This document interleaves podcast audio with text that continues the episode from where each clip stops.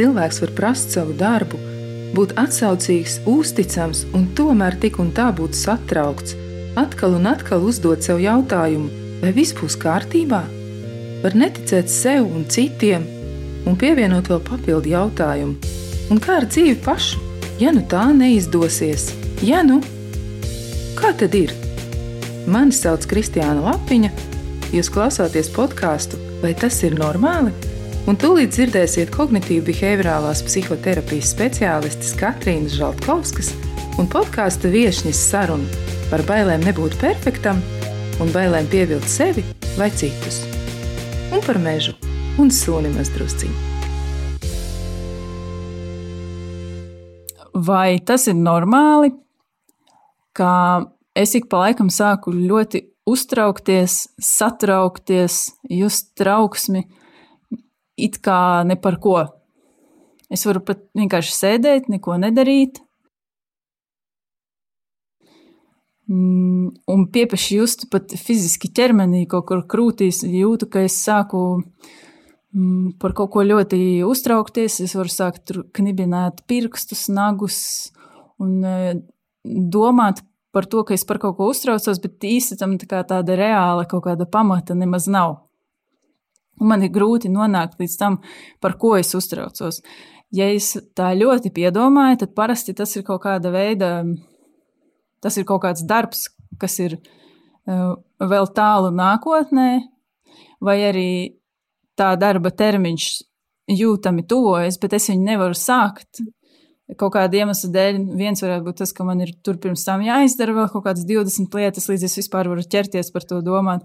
Otrs e, varētu būt savukārt, ka es tik ļoti uztraucos par tām lielajām mokām, kas būs, kad es darīšu to, to darbu, kurš vēl pat nav sākts. Ka tas pats jau man rada kaut kādu briesmīgu uztraukumu, jo es zinu, cik grūti tas būs.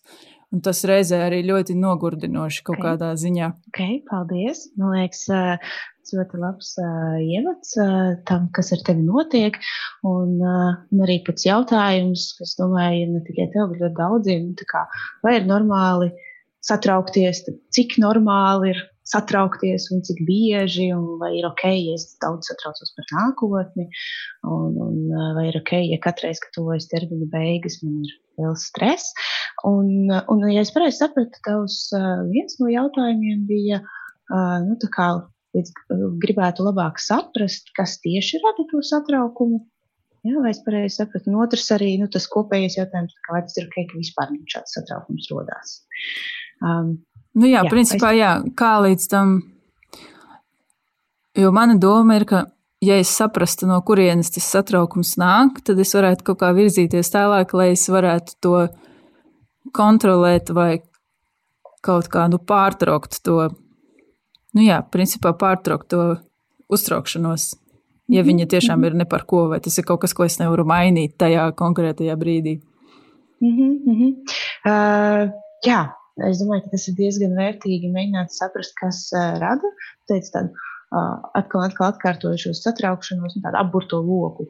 Ir kaut kāda situācija, un atkal notiek tas pats. Jā, vai nu es domāju par nākotni, izjūtu spēcīgu satraukumu, to arī minēja, ka tu ķermeni izjūti uh, satraukumu, vai nu arī tas ir par tuvojošos termiņu. Varbūt tu man vari pastāstīt nedaudz vairāk par kādām tipiskākajām situācijām, vai varbūt tev ir prātā kāda nesena situācija, kur tu izjūti šo satraukumu, vienkārši paraksturot, kas tā bija par situāciju. Uh, kādas toreiz tev domas nāca prātā, kā tu jūties emocionāli, bet pilnīgi brīvā formā. Ja kas palīdzēšu ar jautājumu. Nu, piemēram, nu, ir viens projekts, kur es esmu iesaistījusies, kurus iesaistījos ar ļoti lielu entuziasmu. Man šķita interesanti, pilnīgi jauni cilvēki kaut kādi būs. Es varbūt varēšu iepazīties ar cilvēkiem citiem, um, mēģināt kaut ko varbūt nedaudz citādāku darīt. Un tad nu, tur šobrīd ir tā, ka man ir jārada kaut kāds produkts. Nu, tas, tā mana daļa tajā projektā man ir jārada. Nu, visus šos mēnešus kopš pavasara es neko nedarīju. Principā mm. neko nedarīju. Tad es kaut ko tur padrusciņai sāku nedaudz darīt. Šobrīd ir tā, ka tas termiņš ir ļoti, ļoti tuvu.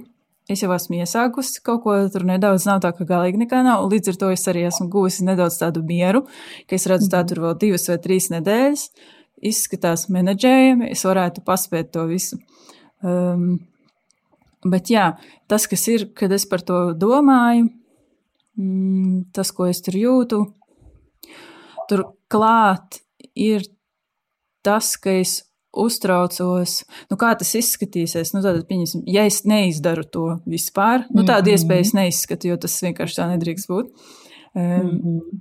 Otrs ir, kas būs, ja es to izdarīšu, bet tas būs slikti. Jo man vienmēr gribas visu izdarīt ļoti, ļoti labi. Es gribu, lai. Mm, nu, jā, nu, lai viss perfekti būtu. Lai tas būtu tik labi, cik es varu, jo es zinu, ka es varu izdarīt ļoti labi. Um, un tad, ko par mani, kā, ko par mani domās, mm -hmm. un beigās tas viss sa, sajiet kopā, manuprāt, tajās lielajās bailēs, kuras es esmu konstatējusi jau sen. Mm, um, ka man kopumā ir bail, ka dzīve nesanāks. Tas bija jau tad, kad es mm. pabeidzu skolu un sāku kaut ko darīt. Tas bija tad, kad es sāku strādāt savā pirmajā darba vietā, un man visu laiku ir bailes, ka mana dzīve neizdosies. Nu, ka kaut kas mm. notiks, un nu, kaut kādā brīdī tas vienkārši ir viss pagaisīs, un tad es kā nekas, nu jā, es nekas nebūšu. Kad no manis nekādas jēgas nav, un es nekas nebūšu. Nu, kaut kā tā, un tas ir tas, kas tur visu laiku velkas līdzi. Kas tagad notiks, ja es šo lietu neizdarīšu, vai es viņu nesākšu beidzot laikā? Un tad, kamēr es uztraucos, vai tas būtu vai par šo projektu vai kādu citu, tad es reizē varu sākt nevarēt izdarīt kaut kādas ļoti vienkāršas lietas. Piemēram, es nevaru izlasīt ēpastu, kurš man ir atsūtīts. Es redzu, no kā tas ir. Es redzu, kas viņu, e, kāds ir temats. Es saprotu, es zinu, par ko tur, kas tur būs iekšā rakstīts. Es zinu, ka tas nav nekas briesmīgs. Man vienkārši jāatbild ar vienu vārdu, jā, vai norunājam tikšanos, labi, tiksimies tur tad un tad, tikos un tikos. Es netaisu vaļā to e-pastu, es viņu nelasu, es tam cilvēkam nedēļu varu neatbildēt, lai gan tas ir pilnīgi nekas, kaut kāds nieks. Bet es tik ļoti uztraucos, ka es nevaru vispār par to visu sākt domāt. Es negribu, es vienkārši to nedaru un atlieku tik ilgi, cik es varu. Es kopumā visas lietas, kas man ir jādara, es atlieku tik ilgi, cik varu atlikt. Un tad es viņus mm. sāku darīt. Mm -hmm. Ok, paldies. Man liekas, tu tik precīzi izstāstīji visu to, kas notiek tajā galvā. Un, un, un es tev arī jautāju, kādas tipiskas domas tev pārņem. Un varbūt, ka tu pat arī sadzirdēji, kā tās domas aizved viena pie otras. Ja? Tad sapratu, tas izaicinājums, tā situācija bija jauns un citādāks projekts kurā tu piedalies, uh, kurā nu, kaut kādas lietas ir izdarītas. Nu, kā teikt, nav tā, ka nav, nav nekas, nav gluži balta lapa.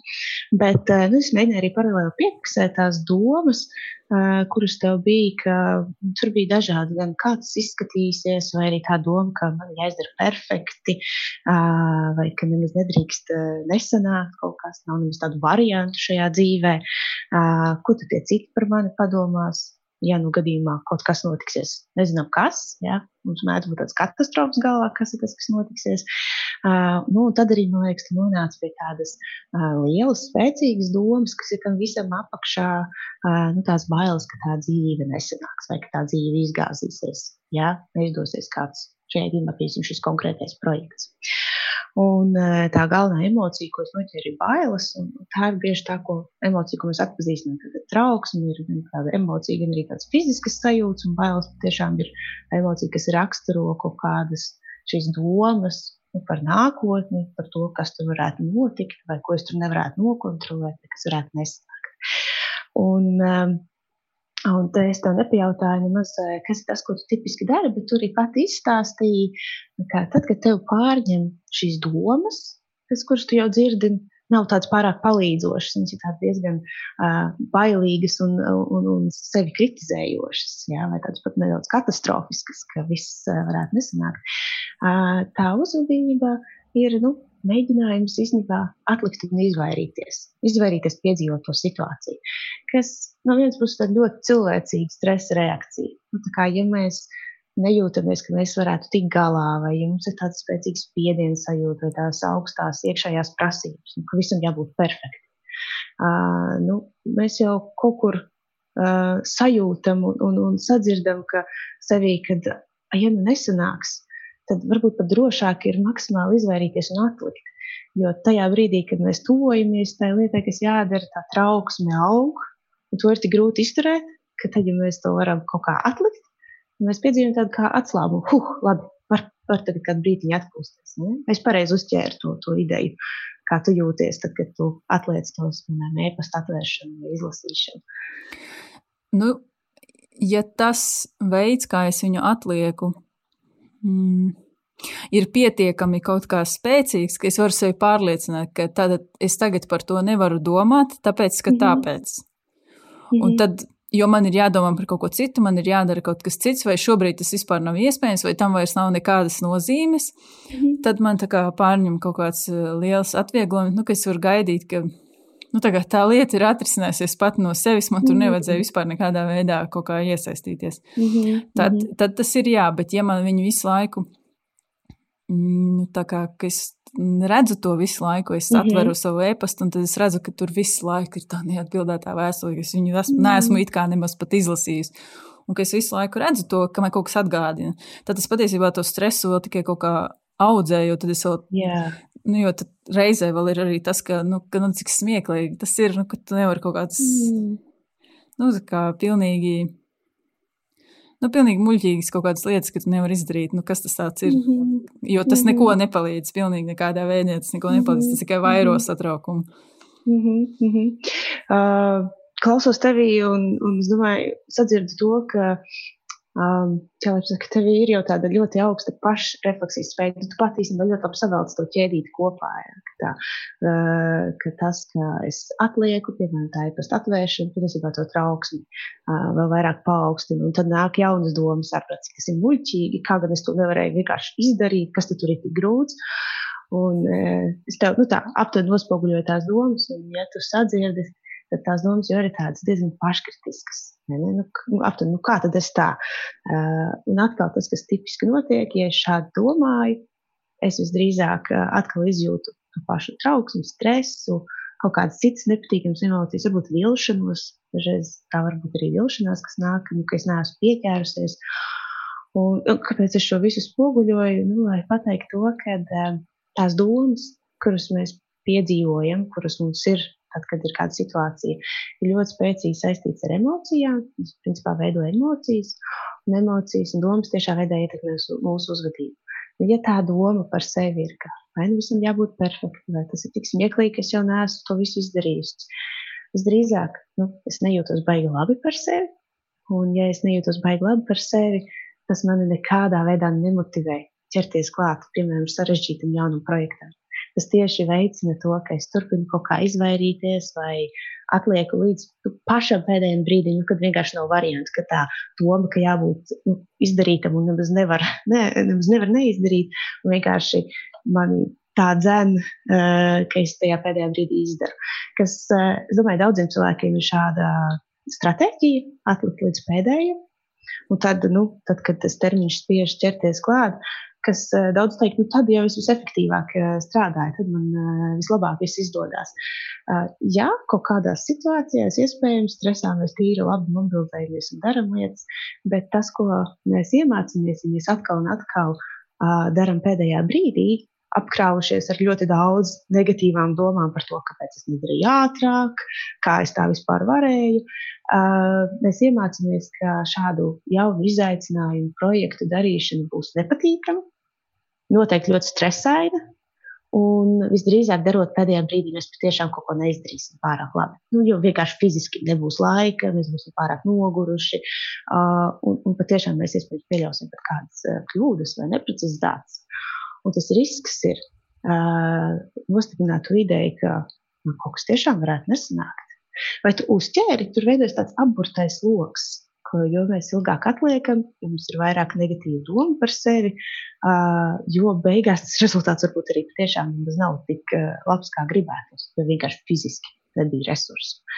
Vai to, to pusi tu uzķēri, kā tev pašai tas izklausās? Jā, jā. Mm -hmm. Man gan parasti ir tā, ka nu, es iespējams neatlieku tik ilgi, ka nu, bez mazliet rīt, jā, nu, un tad es tagad sākšu šodien mm -hmm. kaut ko darīt. Nu, es zinu, cik apmēram daudz laika man tam vajag, uh, un es varu savākties nu, kaut kādā pusi līdz normālā mm -hmm. brīdī, un tad sākt to darīt. Bet tā tikšana līdz tam ir mokoša, bet nu, es esmu tikusi vismaz līdz tam, ka es uh, zinu, kas man palīdz. Nu, mm -hmm. Tā kā tikt uz priekšu kaut kā, man ļoti patīk sadalīt tos uzdevumus kaut kādās mazākās vienībās, mm -hmm. izdomāt kaut kādu plānu. Nu, tagad man ir jāizdara šis, zīmēt kaut ko, uzrakstīt, tur Mhm. Pārkārtot lietas. Tas man ļoti nomierina, jo man uzreiz ir sajūta, ka es esmu sākusi šo lietu darīt, tas viss nav tik briesmīgi. Es tagad zinu, kā es to varētu izdarīt. Un tad man mhm. rodas tāds pirmais, ok, es visu kontrolēju, es varu tikt ar to galā. Bet tā mocīšanās līdz tam, kamēr es sāku to. Mm -hmm. Tā, tā ir tā grūtākā. Jā, tas ir kaut kas šausmīgs. Jo, mm -hmm. jo, mhm. un patiesībā arī reāli nu, nu nevar visu darīt vienlaicīgi. Tas vienkārši nav iespējams. Nu, es vienmēr sāku ar lietu, kuru tagad vajag visātrāk, kuru tūlīt nu, viss kaut kāds steidzamākā. Mm -hmm. Un tad es viņu daru, bet ir tās, kuras it kā ir kaut kur tur priekšā vēl. Tad viņas saka, atliekas, atliekas, atliekas, bet es par viņu tik un tā turpinu domāt. Nu, tāpēc, ka nu, tur būs grūtāk ar to visu nodarboties. Mm -hmm. Tā kā nav tā, ka galīgi neko es. Mm, Nu jā, ka nav tā, ka es galīgi nevaru tikt galā ar to visu, bet tā tikšana līdz kaut kādam plānam vai saprātīgai uh, kaut kādai rīcībai ir mokoša. Mm -hmm. Okay.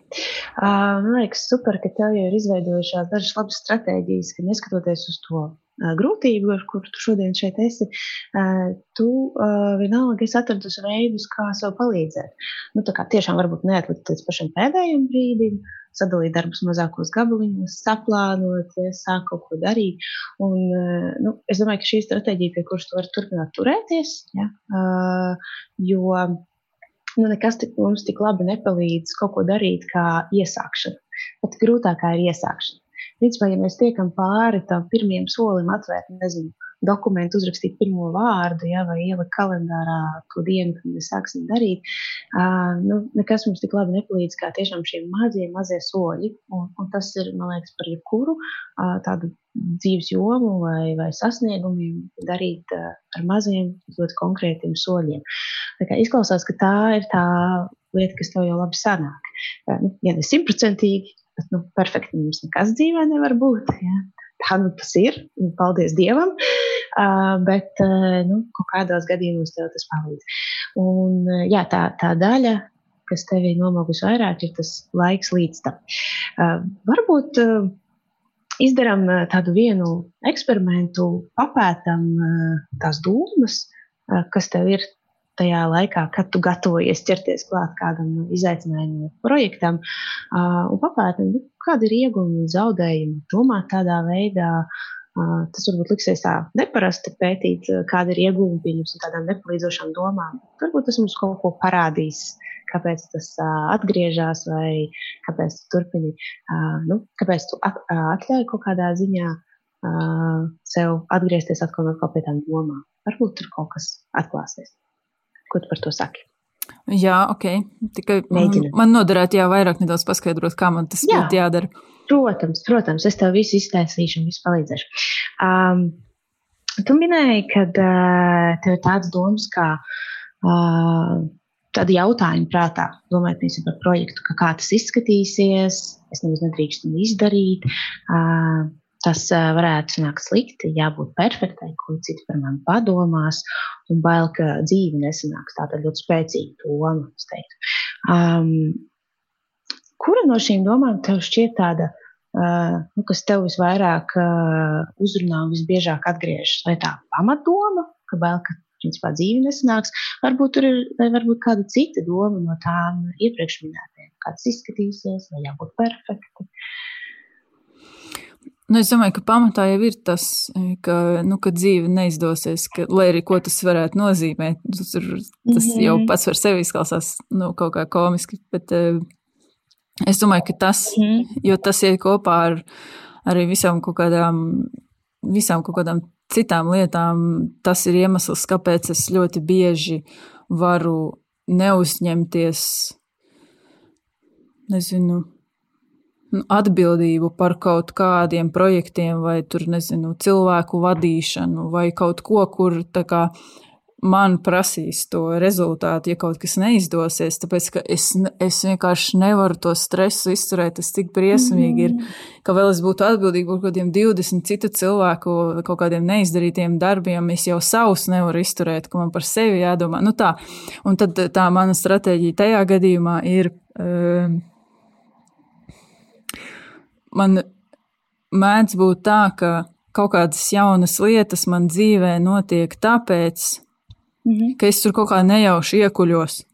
Vai es nevaru -hmm. izvairīties no tā, ka man tagad jāiesaistās šajā jaunajā lietā, vai man tur kāds kā iebīda nejauši, un tad es pie sevis pat, nu labi, nu nē, izklausās ok, bet tā, lai es proaktīvi ietu un meklētu kaut ko, tas nenotiek tik bieži, un es gribēju patiesībā, lai tas notiek biežāk. Nav tā, ka es to nedaru vispār nekad, mm -hmm. bet tas ir viens no tādiem reāliem nu, kā tas manifestējas dzīvē, tās bailes no tā, ka dzīve neizdosies, yeah. ka man ir bail kaut ko darīt, jo Jā. tas var nesanākt. Nu, jo es negribu Jā. domāt par to, es negribu uztraukties par to. Es gribu sēdēt mm -hmm. ar suni mežā, un viss mhm. forši, un viss mm -hmm. ļoti labi. Un, mm -hmm. nu, tā. Mm -hmm.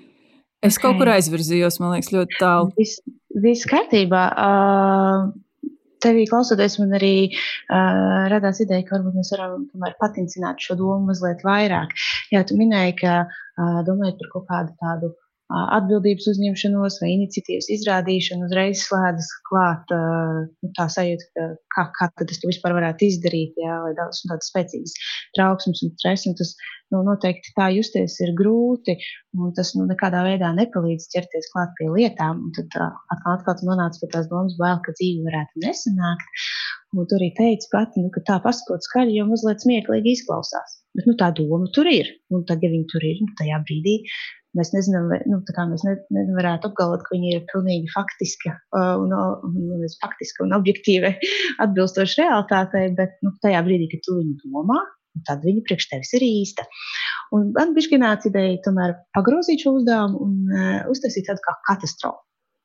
Uh, nu, uh, domājot par to konkrēto situāciju, par to projektu, un tām, tām domām, ka tur viss kaut kas varētu nesanākt, nebūtu perfekti. Nu, kas ir sliktākais, kas varētu notikt šai projekta ietvaros? Kas ir tā katastrofa apakšā?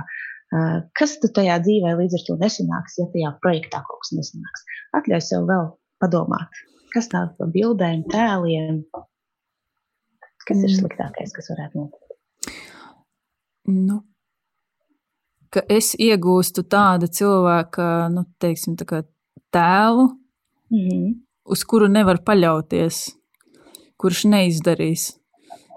Mm -hmm. Ar kuru tev nav īsti skaidrs, vai viņš izdarīs vai neizdarīs. Un līdz ar to tālāk ejot, tas nozīmē, ka es varu zaudēt kaut kādas iespējas, kuras man mm -hmm. būtu, ja es to izdarītu. Mm -hmm. Varbūt tie ir jauni E, kaut kādi pazīstami cilvēki, varbūt tie ir kaut kādi nākotnes projekti, varbūt tas ir kaut kāds cits darbs, kas man kaut kad nākotnē varētu būt. Mm -hmm. Kaut kādas iespējas, kuras es palaidu garām.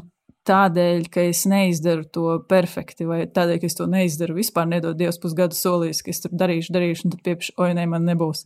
Nu, es kaut ko tādu nevaru pat, mm -hmm. jā, es nevaru to pat iedomāties. Tā jums dēļ, ka es, nu jā, man ir bail, kas tad pēc tam tad ar to visu notiks. Nu? Vai es sevi mm. nebūšu kaut kā nozagusi sev kaut kādu iespēju šādā veidā? Aha, aha. ok, jā, uzreiz tur nāk tā bilde, ka ja es neizdarīšu šo vienu projektu pietiekami labi, kad es sev atņemu iespējams iespējas uh, citos projektos, citos piedāvājumos, darbos, un kad es kaut kādā ziņā parādu sevi kā cilvēku, kuru it kā nevar paļauties. Ne? Tā ir tā bilde, kas tur nāk. Mm -hmm. um, vai, nu, vai tur ir vēl kaut kāda trakāka katastrofa, vai tas ir tas vissliktākais, kas varētu notikt, uh, vai tur sako tālāk vēl kaut kas. Nu, labi, nu, man kaut kāds projekts nesanāca. Nu, es uh, kaut ko neizdarīju perfekti. Nu, pieņemsim, pieņemsim, ka tā katastrofa notiek. Ja? Nu, šis skan varbūt tā jocīgi, bet nu un. Mm -hmm. Nu, tādi reālie kaut kādi, nu, tādi tīri tagad jūtamie. Kas tas būtu? Nu, tur nebūtu tā mana darba, ko man vajadzēja uztaisīt. Mm -hmm. Tad tur būtu kaut kas, kas bija paredzēts, un tagad tā tur vairs nebūs. Mm -hmm. mm. Um, tas ir viens, nu, kas ir ir nu, žēl. Um, otrs, nu, tad es būšu pievīlus tos cilvēkus, mm -hmm. kuri gaidīja to, ka es to izdarīšu. Mm. Trešais, kas tur varētu būt. Nu, jā, tad man būs kauns ar viņiem vispār pat sarunāties, vai normāli, kā es tagad varu Es nekad mūžā nevarēšu ar viņiem iesaistīties nevienā citā projektā, tāpēc, ka viņi zina, ka es neizdarīju to lietu. Viņi tagad visu mūžu man par, tā, par tādu cilvēku uzskatīt, jo es zinu tādus cilvēkus, kuri mēdz solīt, un tad viņi neizdara, un es zinu, ko es par viņiem domāju. Man viņi ļoti nepatīk, es viņiem ļoti neusticos, es negribu ar viņiem neko sakt, tāpēc, ka es zinu, ka tur būs grūti un problēmas, un beigās vēl nedod Dievs, vispār nekas nesanāks. Mm. Un es negribu būt tāds cilvēks, jo es mūžā nekad neesmu neko ne, nenodavusi, neizdarījusi neizdarījusi nek nekad mūžā. Nu, beigās varētu būt tas, ka, ka tas kaut kādā veidā Bet tas jau atkal ir tas pats, nu, ka tas nogriež manas iespējas tikt kaut kur vēl uz priekšu. Nu, ka es visu laiku būšu tajā punktā, kur es esmu tagad. Man būs tāds darbs, kāds man ir tagad, un es nekad netikšu no tā ārā vispār. Nu, tas ir tagad, es esmu no sava 30 gadu vecuma līdz mūža beigām, līdz pensijai. Es daru šo vienu konkrēto lietu, tāpēc, ka es kaut ko tagad neizdarīju. Bet tas jau to, to pasakot, izklausās smieklīgi, gan jau tā nebūs.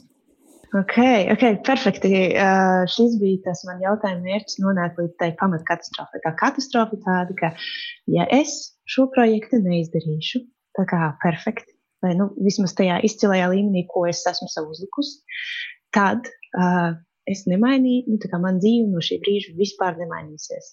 Es visu atlikušo dzīvi strādāšu vienu konkrētu darbu, nekas neies uz priekšu, un viss būs tā kā tagad. Tā ir tā katastrofa. Un uh, tu jau pati teici, tagad skaļi pasakot, kaut kā līdz galam neticās. Nu, cik, cik tu reāli tici, ka tā varētu notikties? Nu, ja pat mēs mērītu procentos no 0 līdz 100, cik tu tici, ka šī katastrofa reāli tavā dzīvē varētu piepildīties? Nu, es nezinu, kā es tur procentos varētu to izdomāt. Bet īsnībā jau tā var būt. Nu, ja paskatās, piemēram, uz manu vecāku paudzi vai nu, uz 30 gadnieku vecāku paudzi, cilvēki sāka strādāt vienā darbā, un tad viņi visu dzīvi dzīvoja un strādāja. Tajā pašā darbā, un varbūt tas nemaz nav slikti. Nu, tam cilvēkam viss ir kārtībā. Bet es uz to visu, nu, kā ar savām acīm šodien, es uz to skatos kā uz kaut kādu, nu, tad tur kļūda kaut kāda noteikti bija, ka tas tā nevar būt. Nu, ka tu mhm. vienā un tajā pašā amatā tur pēc mazliet nostrādā visu savu dzīvi, tas jau nozīmē, ka tur kaut kas nesanāca. Mm. Okay. Okay. Bet par tiem procentiem, ne, nu viss Jā. kaut kas jau var notikt, protams. Bet Latvija ir tik Jā. maza, te ir tik maz cilvēku, te ir tik maz iespēju. E, tajā jomā, kur es strādāju, arī nav nemaz tik daudz. Nu, mm -hmm. Tās iespējas ir, bet nu, nu, grūti. Tur nav tik vienkārši. Mums nav kaut kāda milzu valsts ar miljonus uzņēmumiem un miljonus kaut kādām darba iespējām. Mm -hmm. Mm -hmm. Tur ir kaut kāda realitātes iespēja tajā visā. Jā. Iespējams, iespējams, tāpēc uh, tas mans jautājums ir, cik tu procentus dotu, ka šis varētu piepildīties? Es nezinu, 40, 30. Es nezinu. Okay. Jā, jā, tas tāds subjektīvs vērtējums. Nu, ka kaut kādā mērā tur var piepildīties. Tev ir pieredze no iepriekšējās paudzes. Ja? Tagad varbūt mēs varētu padiskutēt kādā brīdī, kā, cik, cik tās mūsu, mūsu paudzes, iepriekšējās paudzes ir atšķirīgas, vai kāds ir darba stils, vai kā viss ir mainījies. Bet ta, tas ne šim brīdim.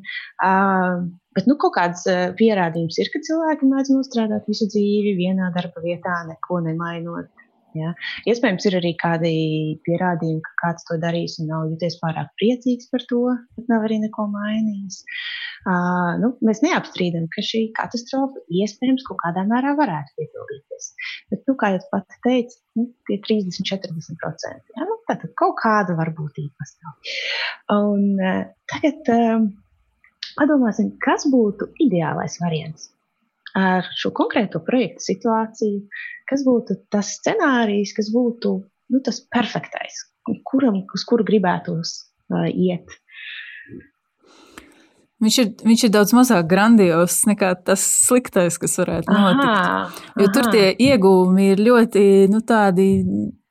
Nu, ne, nu, viņi tādi nelieli, kā varbūt viņi pat ir potenciāli. Nu, ir izdarīts kaut mm. kas, ir ļoti jauki. Mm, nezinu, to manu darbu redz citi cilvēki, viņiem tas mm. patīk. Tur ir kaut kas interesants, varbūt kaut kas, ko viņi nav dzirdējuši iepriekš.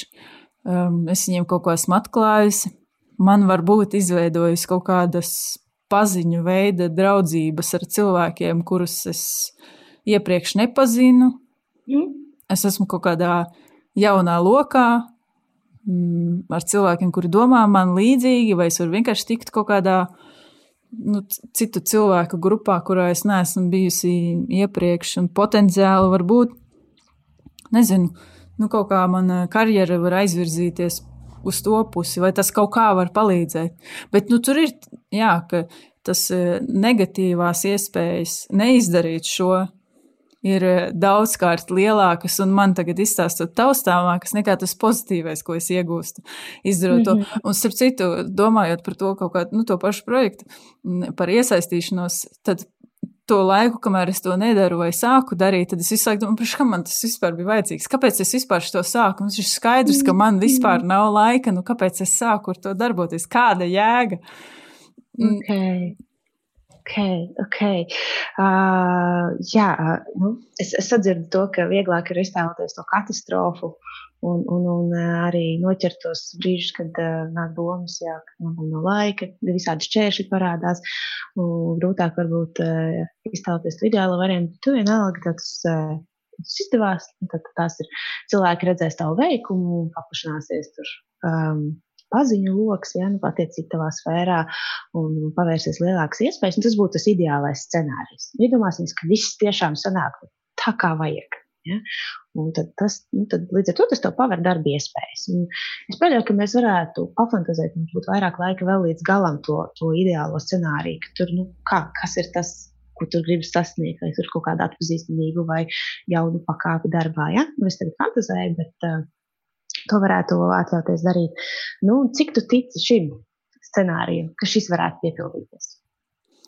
Ka no tā kaut kas tāds grandios varētu mainīties, vai kaut kādas mazas tās lietas?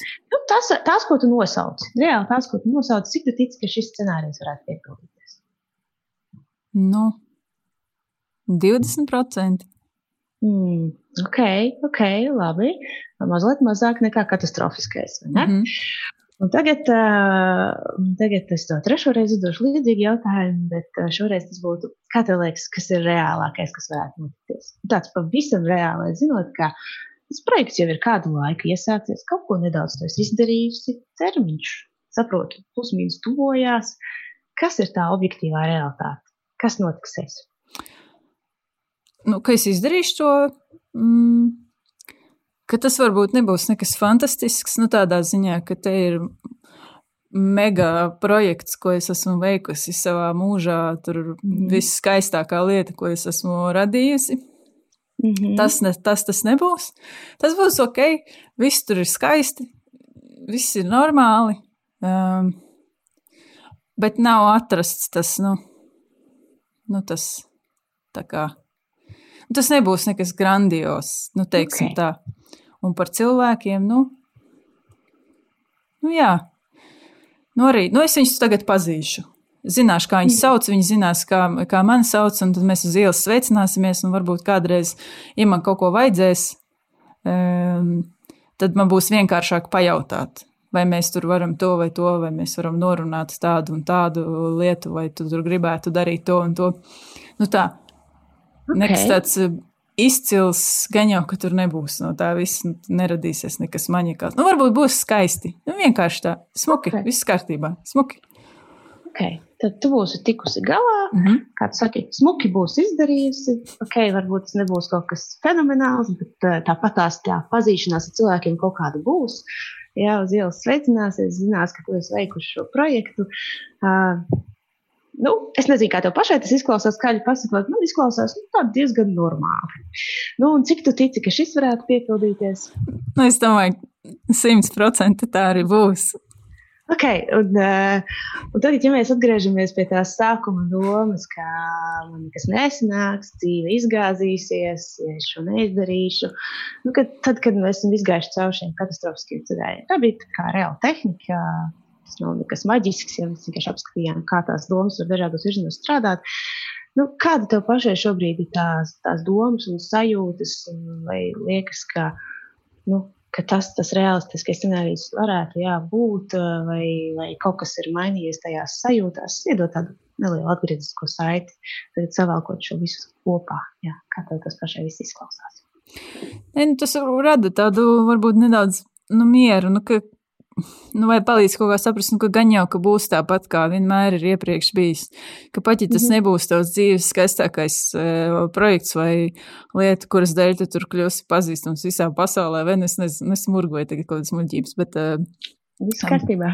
bet, uh, nu, Nu, ka nekas tur šausmīgs nenotiks, bet arī nekas brīnišķīgs tādēļ nenotiks. Nu, tas ir vienkārši lieta, kas notiek, un tad viņa mhm. tiek izdarīta, un, un tad viss tad viņas vairs nav. Nu, nu jā. Ok, ok. Uh, nu, kaut kāda.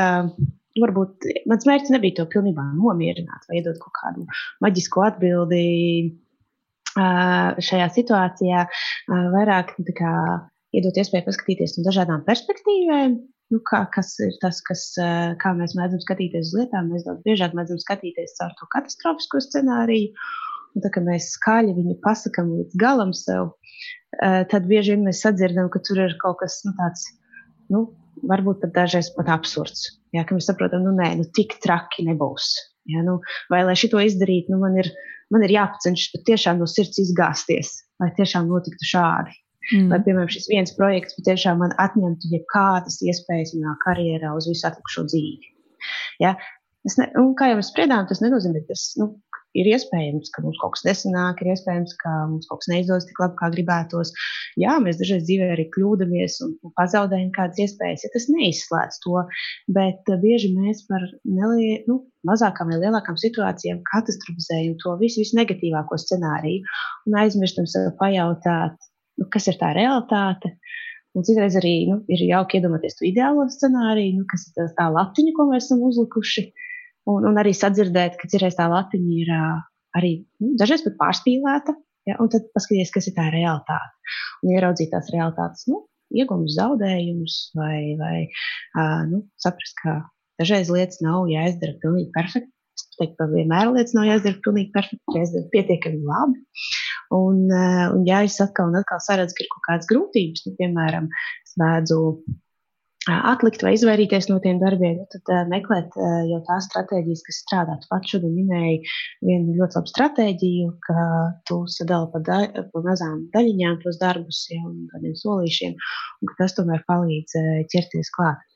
Uh, un, jo mēs tā kā realistiskāk mēģinām ieraudzīt to situāciju, jo mums uh, īstenībā ir vieglāk. Ja mēs uzliekam latiņu, ka visam jābūt perfekti, Mēs konstanti izjūtam trauksmi, jo mēs jau kaut kādā mērā saprotam, ka diezgan grūti ir izdarīt lietas perfekti. Ko dara trauksme? Trauksme mūs uh, mudina izvairīties, atlikt, bēgt, vienā vārdā sakot, bēgt no situācijas. Uh, ja mēs bēgam, tad visdrīzāk mēs nedarām. Ja mēs nedarām, visdrīzāk mums nav rezultātu, nav tā sajūta, ka lietas iet uz priekšu. Un, uh, tas viens veids, kā mazināt trauksmi, ir uh, saprast, kas ir katastrofa, kas ir reālais scenārijs, un otrs ir uh, dalīt uh, vienīgais, bet eh, jā, otrs variants varētu būt dalīt lietas mazākos solīšos. Jo kā mēs kaut ko izdarām, mēs sajūtam lielu gandarījumu, sajūtam, ka lietas iet uz priekšu, mums ir vieglāk ķerties pie nākamajiem soļiem. Un eh, es zinu, ka līdz galam eh, mēs neatbildējam uz jautājumu, no kurienes nāk šīs domas, kas tevi nomok to laiku, kamēr tu pieķeries klāt, piemēram, šim projektam. Un, nu, es, es domāju, mums vajadzētu vairāk sarunas, lai, lai tiešām atrastu, kur tām domām kājas, bet nu, tipiski jau šādas. Um, negatīvas vai nu, nepalīdzošas domas par sevi ir saistīts ar mūsu iepriekšējām dzīves pieredzēm, arī ar kaut kādām pieredzēm bērnībā un skolas laikos, kur varbūt mēs esam saņēmuši kādu sodu vai aizrādījumu vai kritiku par to, ko mēs esam darījuši, vai tieši pretēji mūs slavēja tikai par to, kas mums izdevās, un mēs neesam dzirdējuši, ka ir ok arī nu, izdarīt, nezinu, nevis uz desmitnieku, bet uz piecinieku. Ja? Ka dažreiz tas ir pilnīgi normāli un ka nav mums vienmēr jābūt perfektiem. Uh, to tu vari nu, paņemt sev kā tādu vielu pārdomām, kur tu. Kur tu šo dzīvē esi iemācījusies, ka jādara lietas baigi labi, ka cilvēki varētu nezinu, nepieņemt mani vai nepaļauties uz mani, ja es nedarīšu lietas perfekti. Ja? Nu, man ir tā grūti vienā vārdā atbildēt, bet noteikti vai nu kādā citā sarunā, vai, vai padomājot pat, no kurienes tas nāk, to varētu atšifrēt. Um, Bet, nu, ja es domāju par tādām īstermiņa palīdzošajām metodēm, tad noteikti vienmēr var uzdot jautājumu sev, kā es tiku galā iepriekš, kas man palīdzēja, jo kaut kā jau es līdz šim brīdim esmu izdzīvojis, izturējis, un iespējams šis nav mans pirmais projekts dzīvē. Uh, tad tas noteikti iedod jau kaut kādu informāciju, ka nu, nav tik traki, Un tad fokusēties uz tām nu, reālajām problēmām. Varbūt tas ir tiešām pārāk apjomīgs darbs vienam cilvēkam. Varbūt dažreiz tiešām mums nav visam laika. Tad tas jautājums, vai es spēju pateikt nē kaut kādām lietām, vai spēju uh, nu, arī dažreiz uh, kaut, nu, kaut kā atteikties. Un, jo, ja tā sajūta ir, ka man ir jādara viss, lai tikai cilvēki redzētu, ka es daudz daru, tad nezinu, aicināt mani vēl uz citiem projektiem, tas risks ir vienkārši nokļūt situācijā, kad ir par daudz darba un par maz laika. Un nevis tāpēc, ka tu nevari, bet tāpēc, ka fiziski nav laika. Uh, nu, jā, uh, tas tā no manas puses uh, kopsavilkot. Varbūt tev ir kāds jautājums vēl vai kāds komentārs? Nu jā, jautājums jau gan jau kaut kādai nākotnē ir tas, Nu, kā, kā nenonākt tajā, nu jā, šis būtu viens variants, domāt par to, kas ir tā traģēdija un kas ir tas labums un kas varētu būt tas mhm. reālais, bet es domāju, visu savu dzīvi šitādā veidā, visu savu dzīvi šitādā veidā pavadīt, ehm, tad ir, nu tad liekas, ka tiešām ir vieglāk um, nedarīt nekā darīt. Nu, ja visu mhm. laiku vajag pavadīt tajās kaut kādās mokās par to grūtumu, kas vēl nākotnē tur būs, un ka visu laiku vajag sevi tā kā, tā tagad man jāpārliecina sevi par to, par to, par to, man tagad par šo tik jādomā. Es neticu, ka visiem cilvēkiem tā ir. Es vienkārši nes, es nevaru saprast, kā tas var būt un kas tas pa sviestu ir. Ir cilvēki, kuri, kuri pat patiesībā e, objektīvi nevar labi izdarīt to lietu, vai nevaru viņu izdarīt tik labi, cik es varētu, vai kā es to savā mhm. galvā brīnišķīgā domāju par savu brīnišķīgo personu. Bet viņi vienkārši iet, un visu, viņiem nav bail, un viņiem viss kārtībā. Man visu laiku no visa kā dzīvē ir bail. Un man tas liekas tik negodīgi un tik stulbi. Nu, es, nu kāpēc? Nu, prieš, nu kāpēc? Nu, kāpēc man vajag? Nu, es tagad smējos, un var dzirdēt manā balsī, ka es smējos, nu, kāpēc man tā, nu, kā, kā, kāpēc man tā, kāpēc citi, kuri ir sliktāki? Viņus neuztrauc visu šie jautājumi, viņi tur nedomā par visu šo. Nu, tā, tas ir tas lielais jautājums. Nu, jā, kā tur ar sevi jā. strādāt, lai vienkārši pārtraukt, nu, pārtraukt tās bailes, jo man viņas tiešām ļoti kaitina. Jo man ir viedokļi par visu kaut ko, es, tad, kad es skaidri saprotu, ka es protu to izdarīt. Nu, nav tā, ka es esmu neiedzīgs cilvēks, kas nevar izdarīt, vai kas nevar pateikt kaut ko, nevar roku pacelt, varbūt pa daudz. Es tur bāžos visu kaut kur iekšā, kur man nevajag bāzties. Bet reizē man ir tās bailes kaut kādas un nepārliecinātība, kur varbūt ārpus tā nevar redzēt. Bet es par to visu laiku uh, mokos ar to. Nu, nezinu, vai tas ir mokas vai kādu to nosaukt. Nu, jā. Jautājums jā, būtu, kā jā. ar to tālāk darboties. Bet šis noteikti varētu būt kaut kāds pirmais, tas mm -hmm. pirmais kaut kas. Nu, kā vismaz Jā. sev tajā brīdī, kad es tagad uh, sāku tur panikot un bakstīties un domāt, un nevarētu attaisīt ēpastu, tagad, kas tagad, tagad notiek, ko es tagad. Jā, jā. Jā, precīzi, precīzi. Uh, es ļoti labi dzirdu un saprotu tavu jautājumu, un, uh, un, un arī mazliet to netaisnības sajūtu, kā tas nākas, ka vieni dara un vienalga, kā viņiem sanāk, un, un, un tu centies, bet tās bailes attur patiesībā pašai sev pierādīt, ka, nu, cik tu labi vari izdarīt lietas. Uh, tas, nu, jā, tas nav tāds noteikti vienas sesijas jautājums un uh, tās domas un idejas par sevi. Mums, kā jau teicu, ir veidojušās dzīves gaitā, nu, ļoti saistīts arī ar bērnības pieredzēm un, un, un tur, tur noteikti var ieskatīties kādā brīdī, bet uh, es ļoti ticu, ka dzīve tomēr ir šeit šeit un tagad, un ka jāmeklē risinājumi šeit un tagad. Un nekas mums tik labi nepalīdz kā pierādījumu vākšana pierādi, bet šajā gadījumā jābūt ļoti prātīgiem. Mēs pierādījām vākšanu negatīvajiem scenārijiem, jo to mūsu prāts dara automātiski. Tā mēs esam ieprogrammēti visu laiku redzēt, kur ir draudi, neizdošanās, kaut kādi riski. Bet tas saistīts ar mūsu izdzīvošanas funkciju. Neiegribšu detaļās šobrīd, bet mūsu smadzenes diezgan automātiski pieskata situāciju un, un meklē draudus iespējamos. Nu, tālāk, piemēram, projekta izgāšanās, ja, vai, vai darba zaudēšana, vai varbūt karjeras apstāšanās. Ja tie ir draudi. Tas, ko mūsu prāts nedara automātiski, ir ne tik labi nekrāj šīs pozitīvās, objektīvi pozitīvās pieredzes, kad man kaut kas ir izdevies, kuras esmu ticis galā, kā es kaut ko pārvarēju. Un, uh, Un to, ko mēs varam darīt, mēs varam uh, maksimāli vākt šos pierādījumus. Klientiem iesaku sesijās rakstīt kaut kādus faktus, ja faktus, kas apstiprina, ka es iepriekš tiku galā, ka man ir kaut kāda pieredze iepriekšējā līdzīgā situācijā, ka ir strateģiski izstrādājušas, ka man ir teikuši cilvēki, ka es labi daru lietas. Un tad nu, sabalansēt un ieraudzīt to realitāti. Protams, ka nu, mēs neviens neesam perfekti, un, un, un mēs vienmēr varam atrast uh, iespējas, kur mēs varam sevi attīstīt. Bet uh, mēs ārkārtīgi viegli iekrītam paškritikā un ārkārtīgi grūti saredzam objektīvo realitāti, kur mēs patiesībā esam diezgan spējīgi, nu, vai spējīgāk nekā mēs sevi domājam. Par sevi domājam. Un, nu, tā varbūt vēl viena tehnika mācīties, nu, kā vākt uh, faktus par realitāti. Ja tīpaši jautājumu, es tev teicu, kā tev ir iepriekš sanācis, kas tev ir iepriekš palīdzējis. Un jo mēs biežāk apzināti pievēršam uzmanību un, un vācam tādus reālus faktus par to, kas notiek, jo mēs vairāk varam nu, pārmācīt sevi domāt, jo um, pārmācīt arī tās automātiskās domas, jo tev viņas ieslēdz zibenīgi. Jauns projekts, hops doma, man jādara perfekti, ja nu man nesanāks, ko citi padomās. Un mums ir jāpamana, ok, man ir šīs domas. Domas ir tikai domas. Jā, es tajā brīdī par viņām domāju, jā, man viņas šķiet ļoti īstas. Tas ir tikai domas. Kas ir realitāte? Paskatāmies, pačekojam. Okay, kas ir tās lietas, kur varbūt jā, tiešām man ir vairāk jāieguldās, un kas ir tas, kas īstenībā man jau sanāk.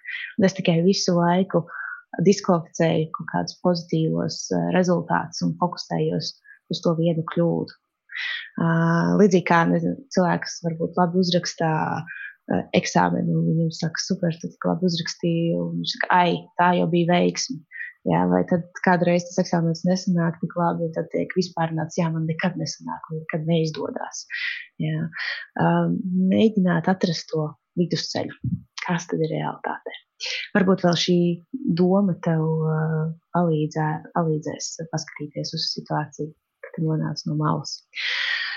Uh, nu, tā kaut kā es domāju, ka šodien mēs varam eh, noslēgt. Eh, kā tu jūties?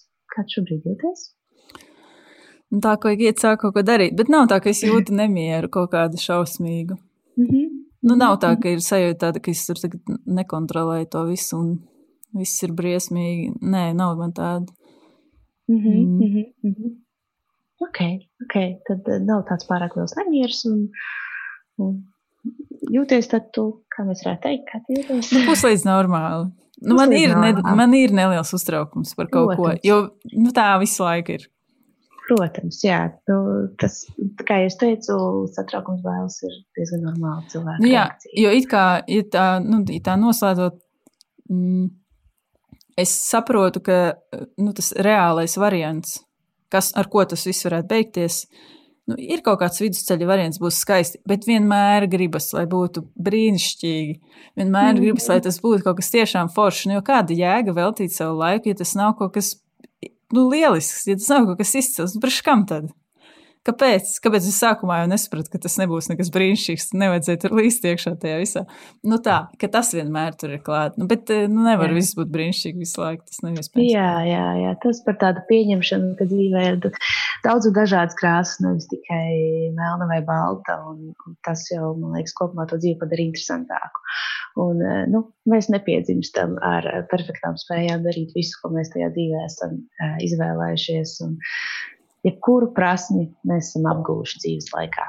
Ātrāk, vēlāk, um, lēnā garā, citas varbūt kaut ko bišku ātrāk, nu, veiklāk uzķērs. Bet mēs nepiedzimstam ar gatavām prasmēm. Un, tas ir diezgan negodīgi pret sevi pieprasīt perfektu rezultātu lietā, ko es varbūt iepriekš neesmu darījis. Vai daru, vai tas ir kaut vai nedaudz citādāks nekā es iepriekš darīju. Tas, tas vienkārši nav iespējams. Tas ir līdzīgi kā mēs mācoties braukt ar mašīnu vai riteni bērnībā. Uh, nu, mēs nepiesēžamies pie tās stūres un nevadām viņu perfekti. Mēs mācāmies. Tas ir normāli. Uh, kļūdīties, neizdarīt perfekti un nonākt līdz kaut kādam tādam līmenim, kurā mēs spējam nu, izjust gandarījumu un novērtēt, ka arī, arī neperfektas lietas ir. Un vajag interesantās. Un tas vienmēr ļauj mums uzturēt tādu garu, virzīties uz priekšu. Cik garlaicīgi būtu, ja viss sanāktu uzreiz. Nezinu, tīri labi. jā, jā, es ticu, ka šis ir ļoti diskutējams jautājums un tāda normāla, tiešām normāla cilvēciska vēlme, lai izdodas. Nu, kurš gan negrib, lai viņam sanāk, lai viņš jūtas labi, lai viņš nesatraucās un lai viss ir kārtībā. Bet, ja mums nebūtu trauksmes, mēs sēdētu ērti dīvainā un vispār nedarītu neko. Tā kā kaut kādā ziņā tā trauksme tā, kas mums patiesībā virza uz priekšu. Arī te. Oi. Tā. Huh. Super, paldies tev liels par šodienas sarunu. Uh, ceru, ka kāda, kāda nianses aizķersies, vai būs par ko padomāt. Un, uh, jā, varbūt iespējams mēs šo sarunu turpināsim uz priekšu kādā citā reizē. Paldies. Nu, man skaidrs, jāiet terapijā. Tas ir mans apstiprinājums, ka vajag iet terapijā. Ko es jau sen esmu atlikusi. Vēl viena lieta, ko es atlieku. Aha! Nākamā podkāstu sesija par to, kā pieteikties uz terapiju. Jā, labi, paldies. nu jā, improvizētā sesija ir beigusies, bet mums ir jāmēģina saprast, kā tad jutās pati stāsta varone un kas ir tas, ko viņa no tā visa ir sapratusi. Kā tad ir? Ko viņa ir secinājusi pēc savas sarunas ar terapeiti, un ko viņa domā šobrīd, un ko viņa varētu darīt nākotnē? Kā tu jūties tajā sarunā, ja reiz ir nepārliecinātība tev kaut kādā veidā blakus dzīvē? Kā tas ir vispār par to mēģināt apkopot domas un par to kaut ko teikt? Man šķiet, ka man runāt nav grūti. Mm, sarežģītā lieta varbūt ir tā, ka es zinu, ja es zinu, ka mani kāds atpazīs, ka katrā nākamajā jaunajā projektā tā būs pirmā cilvēkiem doma ka viņi nezina, ko viņi dara, vai viņi uztraucas, vai viņi pusgadu neko nedarīs, un tad pieprasa sāks darīt visu pēdējā nedēļā vai kaut kā tā.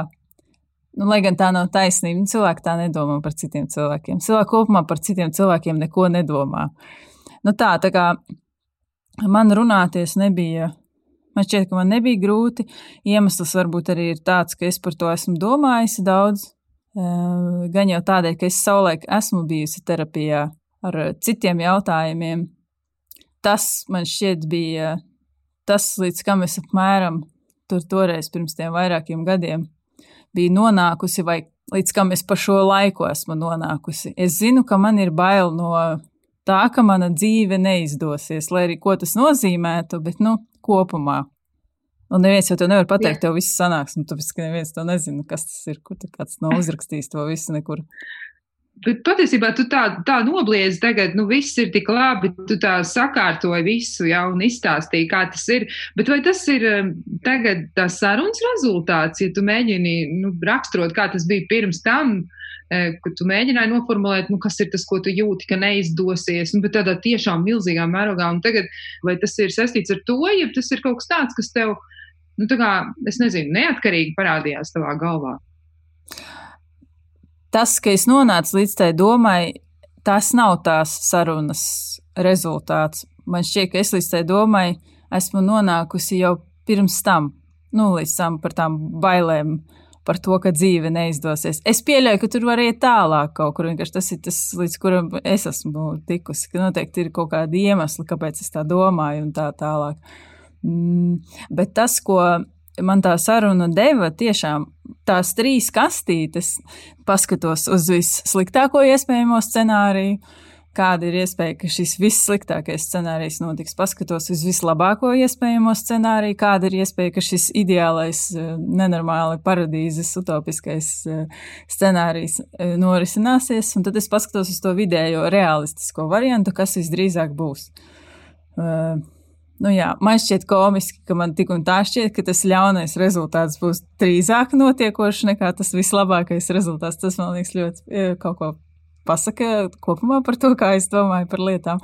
Um, bet, nu, šādā veidā domāt, tad, kad nu, piepeši ir, ir kaut kāds tas uztraukuma brīdis, bezsakariskais, man šķiet, ir ļoti palīdzoši. Nu, tāpēc, ka nu, nav tā, ka es nezinu par citiem cilvēkiem, bet nav jau tā, ka es nesaprastu, ka nu, gan jau nekas slikts nenotiks bet nevar sev neko padarīt. Nu, tu vienkārši sēdi un tur tirinies kaut ko. Nu, tā, tad sakārtot viņu tādās trīs kastītēs, man šķiet, eh, tas ir nu, labs veids, kā sākt. Un arī komiski ir ieraudzīt to, kā globāli es domāju par lietām. Bet starp citu, pēc tās, ehm, pēc tās sarunas Un nav tā, ka es to tā kā izdomāju, tāpēc, ka mums bija šis ieraksts un, un tas viss notika. Bet man šķiet, ka tas tiešām rada arī nedaudz tādu mieru kaut kādā ziņā. Jo es atceros no tās savas terapijas, kad es e, agrāk gāju terapijā, es gāju katru nedēļu. Es to izmantoju, lai es varētu nodzīvot to nedēļu normāli līdz tai nākamajai reizei. Un, tā kā es izēju ārā no turienes, tad es tiešām biju mierīgāka, jo nu, tur terapeiti izmantoja arī kaut kādas tehnikas, lai burtiski, lai es nomierinātos. Un otra lieta ir tā, šobrīd tas projekts, par kuru es nu tur stāstīju, tas ir beidzies, tas ir izdarīts, viss. Es esmu pabeigusi to, kas man bija jāizdara. Tāpēc es izklausos tik priecīga. tas ir lieliski. Tas tev tā reāli sakrīt, vai ne? Ka tu esi nu, mēģinājis saprast savā galvā, kas notiek, un arī vienlaikus tas ir noslēdzies. Tas, man liekas, ir kausāls rezultāts. Bet par ko es iedomājos, un es Es, ne, nu, es neesmu speciālists eh, šajā jautājumā, es to nevaru nekādīgi diagnosticēt sev, bet man ir tādas aizdomas kaut kādas, ka man tie periodi, uh, kuros es ļoti uztraucos, vai esmu kopumā diezgan tādā drūmā noskaņojumā, nu, kaut kā, kad man negribas principā vispār neko darīt, Negribu es tur runāt ar tiem cilvēkiem, neko es negribu darīt. Gribu sēdēt mežā ar savu suni, nekur neiet, un viss ir slikti un ir bail. Un, uh. Tie periodi nav tik īsi, un man ir sajūta, ka tur ir kaut kas vairāk tur apakšā. Jo pat vēl pirms šis mans projekts bija beidzies, es sapratu, ka man kaut kā. Hmm, man kaut kā veselu nedēļu kaut kā ļoti priecīgas. Tad man tādas sajūtas, kaut kādas tādas varētu kaut ko vēl tur jaunu tādu darīt. Vai, ai, viss tik forši un strādāt, ir forši, man tas liekas aizdomīgi. Tādi kontrasti, kuri īsti nav pamatoti. Pilnīgi iespējams, bet to noteikti var pārbaudīt. Tas arī, manuprāt, varētu nebūt kaut kas šaušalīgi biedējošs, jo, ja tā ir, Nu, ja tu novēro tādas eh, svārstības, bet tādos lielākos laika periodos, tad jā, ir iespējams padomāt par to, kas tas ir. Jo var būt, ka tur ir kaut kāds vēl cits pamats, kas liek reizēm nu, tā gandrīz neprātīgi priecāties un lidot pa gaisu un īsti bez pamata, un pēc tam atkal ir kaut kas tāds, kas liek vienkārši justies briesmīgi nav jau vienmēr jāpieraksta kaut kādas sasūtītas klīniskas diagnozes tikai tāpēc, vien, ka mums šķiet, ka mēs atbilstam kaut kādam rāmītim, atkal, kas mums tur ceļā ir pagadījies, un mēs tur sevi gribam ielikt iekšā. Man jau liekas, ka tas katrs stāsts ir savā ziņā tik ļoti feins un interesants, ka tieši tāpēc ir vērts par to domāt, nu, ka tā ir tava lieta, nu, tieši tev, tieši tā, kā tikai tev tas ir iespējams. Jā. Tā ir tāda vēl viena sērija, iespējamā, vēl kaut kas par tevi. Jā, man šķiet, ka tas kontrolas, eh, tas jautājums par kontroli arī varētu būt kaut kā šajā ziņā. Tad, kad es nejūtu, ka es kontrolēju lietas vai to lietu iznākumu, tas man ļoti satrauc, man šķiet. Jā, tas izklausās pēc cilvēka, kurš laiž lejā no kalna ar slēpēm.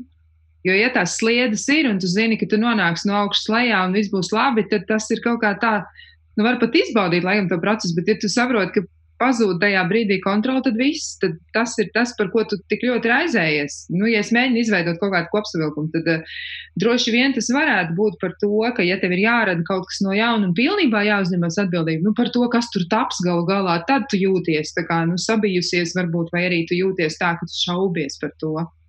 Varētu būt, jo radot kaut ko, nu pat ja tu esi to darījis 20, 30, vienalga cik reizes, un pat ja tā tehnika, ko tu izmanto, tie instrumenti ir tādi paši, nekad tu nevari zināt, kas tur beigās būs. Vai būs brīnišķīgi, vai būs tā, e, nevisai. Un man ir vienkārši fantastiskākās bailes nonākt tajā kategorijā, ka, ir, nu, ka tu nedarīji lieliski. Es nevaru to mhm. izturēt. Es negribu būt kaut kāds parasts cilvēks, kurš dara parastas vidusmēra līmenī lietas. Tad izklausās, ka tu gribi būt absolūti perfekta vienmēr Jā. visās, visās lietās. Bet man liekas, ka tas nav iespējams. Nu, tu kādreiz ir tā, ka tu nenomazgāji kaut kādu šķīvi, vai es nezinu, aizēji gulēt, ka tev māja nav ideāli sagrāmēta. Es nezinu, tev taču suns ir. Nu, tas vispār man liekas neiespējami. Nē, tā kārtība, tas man, ne, tas man nav. Drīzāk tas, par ko, ko es radu kāds ir mans intelektuālais vai kaut kāds tāda veida pienesums, ko es protu. Jo es zinu, kā ir jābūt, un tad, ja es nevaru izdarīt tā, kā ir jābūt, tad man šķiet nepareizi. Un es negribu būt kaut kāds nepareizs cilvēks, kaut kāds tīzlens, kaut kāds, kurš neko dzīvē nevar un neko nesasniegs. Un ir, nu jā. Tad cita atzinība izskatās, ka tev tomēr ir vajadzīga ļoti. Nu, ir, nu, Vai drīzāk tas, ka man nav tā, ka es tur drebu līdz kāds ir redzējis to produktu. Man ir bail vienkārši no tā, ka neiz, nu, ka tas neizdosies. Vai nu, jā, nu, neizdošanās jau automātiski nozīmē to, ka nevienam nepatīk. Nu, tā. Nav jēgas, kāda jēga, ja tu nesi. Nu, kāda jēga, ja mācīties dziedāt, ja nebūsi nu, Izcils. Jā, bet no otras puses, nu nevar jau dzīvē aizvirzīties nekur, ja nav ambīcijas. Tas izklausās arī pēc ambīcijām, man liekas. Man, man atkal šķiet, ka tas ir kaut kas ļoti ok. Bet, zinu, es tev gribēju jautāt, tad, ja tu, piemēram, atgriezies atpakaļ pie tās sarunas, tev tāds rezumē, tāds, nu, kāds, ja tev jāmēģina būt aprakstīt vispār uh, visu to pieredzi. Kas tas bija tavā, nu, tavā kolekcijā, tā teikt, laba saruna vai uh, kas tas bija? Nu, kā tu to mēģinātu nodēvēt? Nu, es domāju, ka laba saruna ir labs veids, kā to aprakstīt, bet es tur piebilstu laba saruna ar reāli izmantojamu metodi vai tehniku vai instrumentu, ko es varu lietot pēc tam uz priekšu. Jā, saruna ar uh, bonusu. ar praktisku bonusu. Tas izklausās ok. Un nu ir īstais laiks pajautāt terapeitei, ko viņa domā par problēmu un arī par to, Kā cilvēkiem veicas ar izpratni par to, vai dzīve ir vai nav izdevusies, un cik nozīmīgi ir šie jautājumi arī citiem, un ko viņi varētu ieteikt, kā tikt galā ar šādu veidu domām? Vai tas tiešām ir tā normāli, ka mēdz būt cilvēkiem tādi jautājumi? Man liekas, ka nu, viss taču ir, viss notiek, dzīve ir uz priekšu, ir projekti, ir, ir piedāvājumi, ir, ir viss kaut kas, ko darīt, un, un te nu pēkšņi vienā jaukā dienā, hops, tā sajūta ir klāta. Par ko tas ir?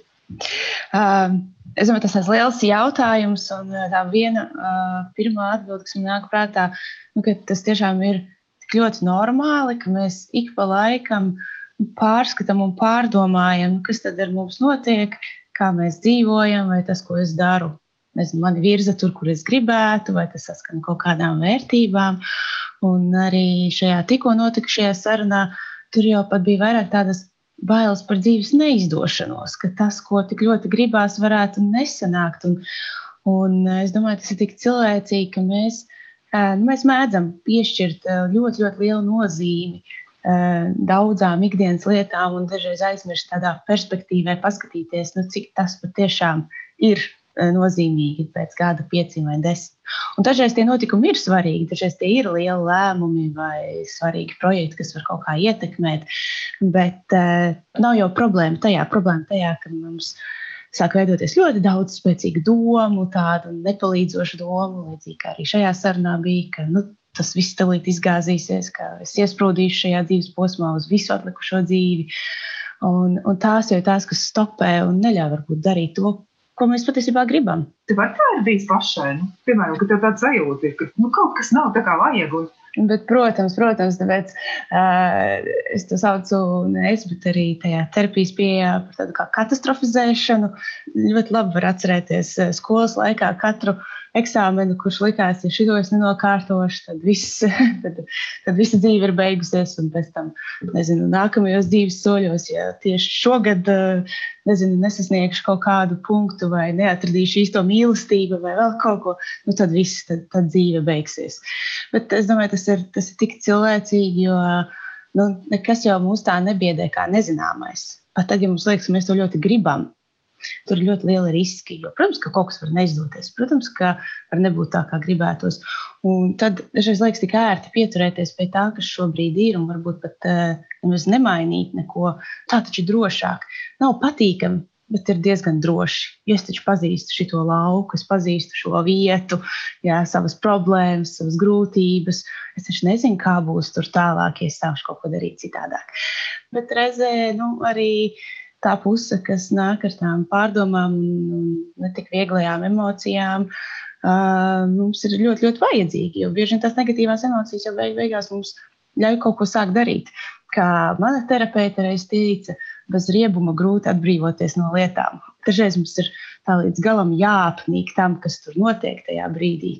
Vai, bez riebuma? Bez riebuma, jā, bez riebuma. Nu, bez tāda kārtīga, es gribētu teikt, beša, nu, kad riktīgs bess ir, nu, tiešām, nu, viss man apnika, un tad mēs, un tad mēs iegūstam patiesībā enerģiju kaut ko darīt. Tā kā tās, tās negatīvās emocijas nevienmēr jau ir šķērslis, dažreiz tā arī iespēja atspērties un, un, un varbūt pat ķerties kaut kādām lietām klāt. Man, zinu, par ko gribās arī apjautāties un padomāt, kā tas ir, ja, ja piemēram, klients saka, ja par to nu, dzīve neizdevusies, tur jau ir kaut kas vēl. Tas jau nav tikai par to vienu situāciju, tas jau ir par to, ko viņš par sevi domā. Nu, vismaz man tā izklausās, ka tas tā ir. Jā, protams, protams. Daudzas jau tās domas mums nāk no tādām agrākajām dzīves pieredzēm, un, un gan no tādas pieaugušā vecuma dzīves, gan arī, nu, protams, no bērnības. Tam nav jābūt uzreiz kaut kam ļoti smagam vai traumatiskam. Kad mēs esam saskāries ar kādu neveiksmi, grūtību, varbūt kādu nepatīkamu notikumu ģimenē vai skolas laikā. Un, Un, eh, nu, mums var izveidoties eh, tāda, eh, tādas zinu, priekšstati, ka, ja es kaut ko neizdarīšu ļoti labi vai perfekti, kā bija arī šai klientei, ka, nu, tad, nu, tad, tad, viss, tad viss izgāzīsies. Ja. Nu, kur tad mēs to varam iemācīties? Nu, ja mums iepriekš nezinu, slavē par perfektām atzīmēm, vai par ļoti labi izdarītiem darbiem, vai tikai tā, ka mēs esam kaut ko īpaši izdarījuši. Un, protams, ka mēs iemācāmies, ka nu, jā, tad, tad visam ir jābūt ļoti labi. Jo kurš tam mūs slavē par kļūdām? Mālacis, super, ka tu kļūdījies un nedabūji desmitnieku. Nu, es nezinu, man neviens tā nav teicis. Uh, un, un bieži vien mēs nu, tajā dzīves pieredzē neiegūstam tādu pozitīvu pastiprinājumu arī tam, ka mēs vienkārši mēģinām lietas, kā mēs kļūdāmies, ka mēs esam uh, nezinu, radoši, ka mums dažreiz kaut kas nesanāk, un mēs turpinām darīt. Un, eh, ja šāda pieredze nav, vai ir tikai pieredze, kurās slavē par kaut ko ļoti labu, nu, tad, tad attīstās priekšstats, ka nu, man viss ir jādara labi. Un es domāju, otra puse ir arī nu, tā, tā kā sabiedrība un, un cilvēki mums apkārt. Mēs jau bieži vien gan sociālos tīklos, gan publiski redzam tik tādus perfektus, veiksmīgus dzīves stāstus, skaistas bildes. Tur jau tikai tādi vien ir. Tur jau viss ir veiksmīgi cilvēki. Tieši tā. Un tad, un tad ir tie pārējie, un tad kaut kur ir tie pārējie, kuriem varbūt visa dzīve nav tik perfekta, vai ne? Es domāju, nu, um, tās, tās dziļās bailes, ka dzīve var neizdoties, viņas noteikti ir daudz tādu puzles gabaliņu nu, salikšana kopā. Un, un reizē arī no tā, nu, kas ir priekšstats par to, kādai tai dzīvei jābūt, ja, cik, cik, kas ir jāsniedz, kurā vecumā, kas ir jāizdara. Tās expectācijas uh, ir ļoti lielas un pat, es teiktu, nereāls. Vai, nu, pārāk augstas prasības pret sevi, un, un, un tās prasības mums nevis bieži vien virza to darīt, bet aptur. Jā, jo viņas liekas tik nereāls. Līdzīgi arī šeit, nu, atlikt darbu, tāpēc, ka man ir tik daudz, kas jāizdara, ka es pat nezinu, no kura gala ķerties klāt. Un, un tad vieglāk patiesībā ir izvairīties. Bailes, nu, šajā gadījumā ir bailes no kļūdīšanās, bailes no neizdošanās, bailes no iespējams kritikas, bailes nu, piedzīvot neveiksmi. Un viens taču negrib piedzīvot neveiksmi. Bet, ja mēs pieļaujam savā dzīvē, ka mēs drīkstam arī kļūdīties, ka mums var nesanākt, ka var būt muļķīgi, ka kādam mēs nepatiksim, un, un ka tās emocijas, kuras mēs piedzīvosim, ir normāla dzīves sastāvdaļa. Daba mums ir devusi, viņām ir zināma funkcija. Tad uh, mums daudz, daudz vieglāk patiesībā būs darīt lietas, jeb, nu, jebkādas lietas, karjerā, attiecībās, hobijos, jā, darīt kaut kādas lietas, kas interesē. Bet vispār par domāšanas maiņu, ar ko tas ir saistīts? Ja cilvēki tik ļoti pieķeras tām domām, nu kā, nu es nebūšu tur pietiekami labs, vai ar ko tad sākt? Nu, pirmais diedziņš, kā pavilkt. Vis, visiem gribētu atrast tādu vienu perfektu veidu, kā, kā tās visas domas, kas mums neapmierina, hops, sagriezt citā veidā.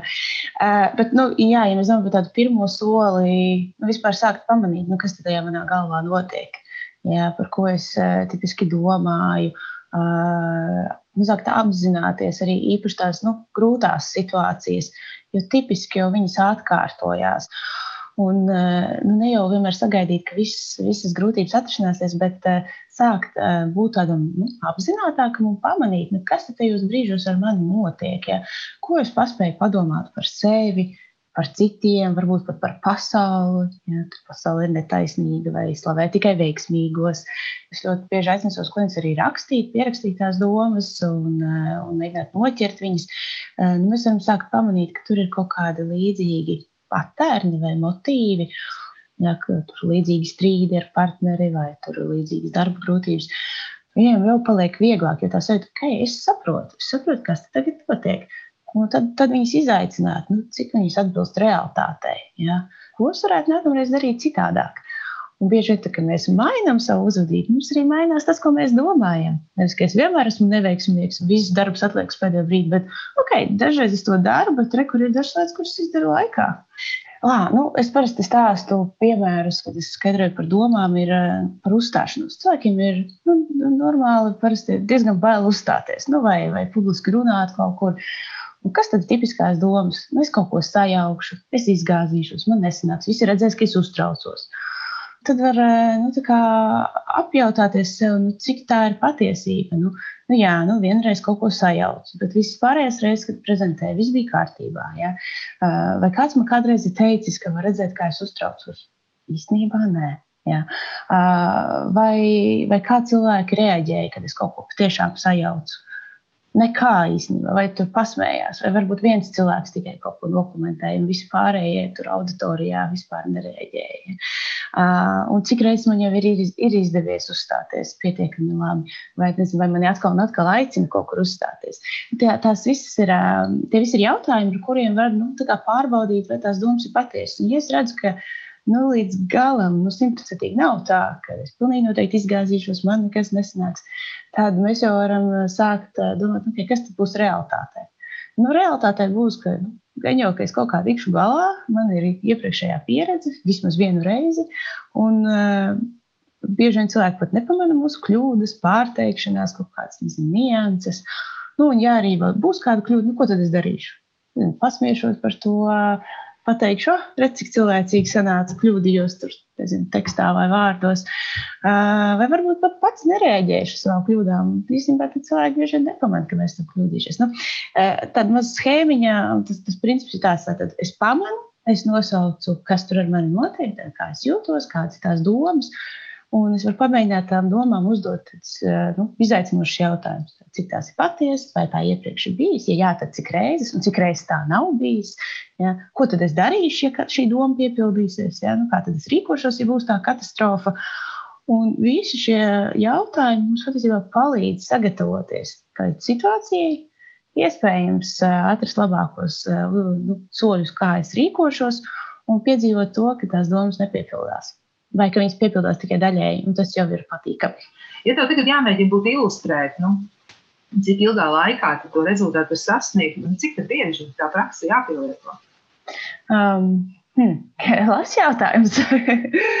uh, pilnīgi noteikti vienu reizi nepietiek, jo mums ir tādi domāšanas patērni ir eh, labi nostiprinājušies. Nu, tas nav jādara tā kā, nezinu, dienu dienā, konstanti visu laiku sevi jāanalizē. Baigi traki var nogurt, un, nav, nu, tam arī nebūs liela jēga.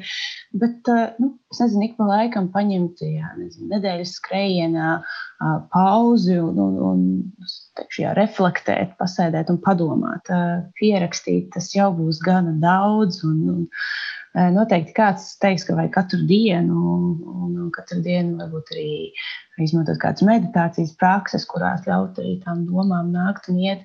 Ja tas dara, ja tas interesē un patīk, protams, noteikti par ļaunu nenāks.